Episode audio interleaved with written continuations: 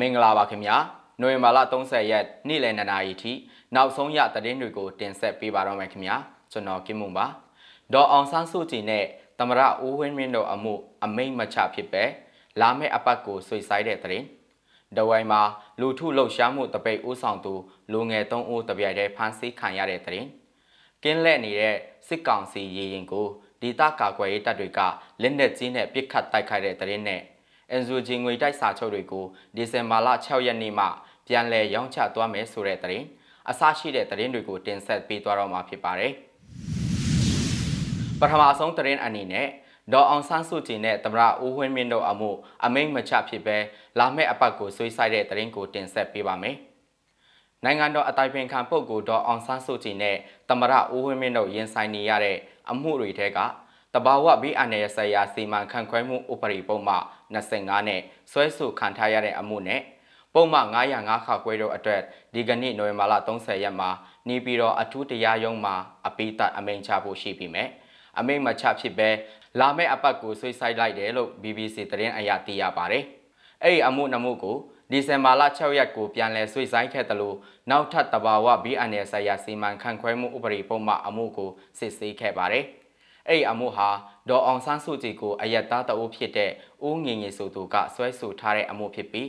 ဆွဆွဲခံရသူဒေါ်အောင်ဆန်းစုကြည်ဘက်ကခံပြတက်တီအဖြစ်တင်ထားတဲ့မန္တလေးတိုင်းဝန်ကြီးချုပ်ဒေါက်တာဇော်မြင့်မောင်ကိုစစ်ဆေးဖို့နဲ့ပတ်သက်ပြီးဖြစ်ပါတယ်။ဒေါက်တာဇော်မြင့်မောင်ရဲ့ကျန်းမာရေးကောင်းမွန်တယ်လို့ဥပဒေအကြံပေးရဲ့အကြောင်းပြချက်ရှိလို့မန္တလေးဥပူထောင်ကနေနေပြည်တော်ကိုလာရောက်တက်တီထွက်ဆိုဖို့စိန်ခေါ်စာအတစ်ထုတ်ပြီးစစ်ဆေးဖို့ဆုံးဖြတ်ခဲ့ပါတယ်။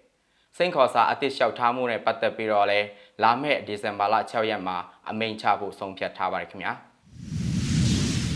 ဆက်လက်ပြီးတော့ဒဝဲမှာလူထုလှုပ်ရှားမှုတပိတ်ဦးဆောင်သူလူငယ်3ဦးတပြိုင်တည်းဖမ်းဆီးခံရတဲ့သတင်းကိုတင်ဆက်ပေးပါမယ်။ဒဝိုင်မြို့ပေါ်မှာဒီကနေ့နိုဝင်ဘာလ30ရက်နေ့နာနယ်ပိုက်ကအကျမ်းမဖက်လူထုလှုပ်ရှားမှုတပိတ်ဦးဆောင်သူတအုပ်ဖြစ်တဲ့ဒဝိုင်တက်ကတူအရှိတိုင်းပညာဌာနမှတတိယနှစ်ကျောင်းသား ကိုထူးမြတ်လွင်အပါအဝင်လူငယ်၃ဦးကိုစစ်ကောင်စီတပ်ဖွဲ့ဝင်များမှနေအိမ်မှာတပြိုင်တည်းလာရောက်ဖမ်းဆီးခေါ်ဆောင်သွားတာဖြစ်ပါတယ်။စစ်ကောင်စီတပ်ဖွဲ့ဝင်တွေကဒီကနေ့နိုဝင်ဘာလ30ရက်နေ့နာနဲ့6နာရီခွဲအချိန်မှာဒဝယ်မြို့ဘူးမော်ရက်ကွက်ရှိနေအိမ်မှာဝင်ရောက်ဖမ်းဆီးခဲ့တာဖြစ်ပါတယ်။အကြမ်းဖက်ဖမ်းဆီးခံရတဲ့လူငယ်၃ဦးဖြစ်တဲ့ကိုထူးမြတ်လွင် ကိုဆိုင်ကိုကိုထွန်းနဲ့မလဝင်းပိပိထွန်းသုံးဦးအပါဝင်မလဝင်းပိပိထွန်းရဲ့ဖခင်ပါဖမ်းဆီးခေါ်ဆောင်သွားကြောင်းဒဝိုင်ကျောင်းသားများအတိုင်းဝဲမှသိရပါတယ်။ကိုထုမြတ်လွင်ဟာ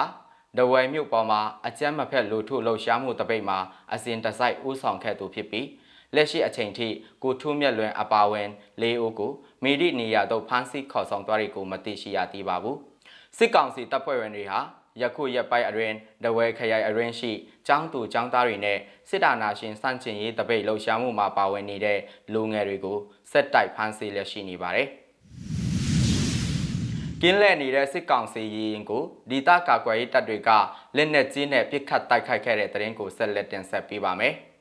ကနေမြို့နယ်ချင်းတွဲမြစ်ရိုးမှာကင်းလက်နေတဲ့စစ်ကောင်စီရင်ကိုနွေမာလာ29ရက်မနက်7:48မိနစ်အချိန်မှာ လက်နက်ကြီးနဲ့ပစ်ခတ်တိုက်ခိုက်ခဲ့ပါတယ်။အဆိုပါတိုက်ခိုက်မှုကိုကနီ PDF နဲ့ PDL ရင်းမပင်မဟာမိတ်အဖွဲ့တို့ကပြုလုပ်ခဲ့တာဖြစ်ပါတယ်။သူတို့ကချင်းတွင်းမြစ်ထဲမှာလဲပြီးတော့ကင်းလှည့်နေကြတာခြုံခိုပြီးလက်နက်ကြီးနဲ့ပစ်ခတ်လိုက်တယ်။အထစ်အခိုက်တော့ရှိနိုင်တယ်လို့ Pupil Defense Army ရင်းမပင်အဖွဲ့ကပြောပါတယ်။နိုဝင်ဘာလ23ရက်နေ့ကလည်းစကိုင်းတိုင်းဒေသကြီးရင်းမပင်ခရိုင်ကဏီမြို့နယ်ရင်းရင်တောတိုက်မှာ နေစွန်လာတဲ့စစ်ကောင်စီရဲ့ရှေ့ပြေးတပ်သားတွေကိုဝိုင်းမိခဲ့တယ်လို့သိရပြီးညနေ3နာရီခွဲအချိန်မှာစစ်ကောင်စီရဲ့ရဟတ်ရင်ပြန်ဝဲလာတာကြောင့်ပြန်လည်ဆုတ်ခွာခဲ့ရတယ်လို့သိရပါတယ်ခင်ဗျာနောက်ဆုံးအနေနဲ့ NUG ငွေတိုက်စာချုပ်ရောင်းချခြင်းကိုတပတ်ကြာခေတ္တရန်နာပြီးဒီဇင်ဘာလ6ရက်နေ့မှပြန်လည်ရောင်းချမယ်ဆိုတဲ့သတင်းကိုတင်ဆက်ပေးပါမယ်။အမျိုးသားညီညွတ်ရေးအစိုးရ NUG က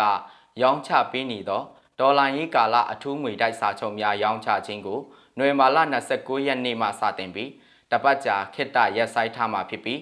လာမယ့်ဒီဇင်ဘာ6ရက်နေ့မှပြန်လည်စတင်ရောင်းချသွားမှာဖြစ်ကြောင်း NUG ရဲ့စီမံကိန်းဗန်ဒါရေးနဲ့ရင်းနှီးမြှုပ်နှံမှုဝန်ကြီးဌာနကဒီကနေ့နိုဝင်ဘာလ30ရက်နေ့မှာထုတ်ပြန်လိုက်ပါတယ်။ NUG အစိုးရရဲ့ငွေတိုက်စာချုပ်တွေကိုပြီးခဲ့တဲ့နိုဝင်ဘာလ22ရက်နေ့မှ28ရက်နေ့အထိတပတ်ကြာရောင်းချပေးခဲ့တာဖြစ်ပါတယ်။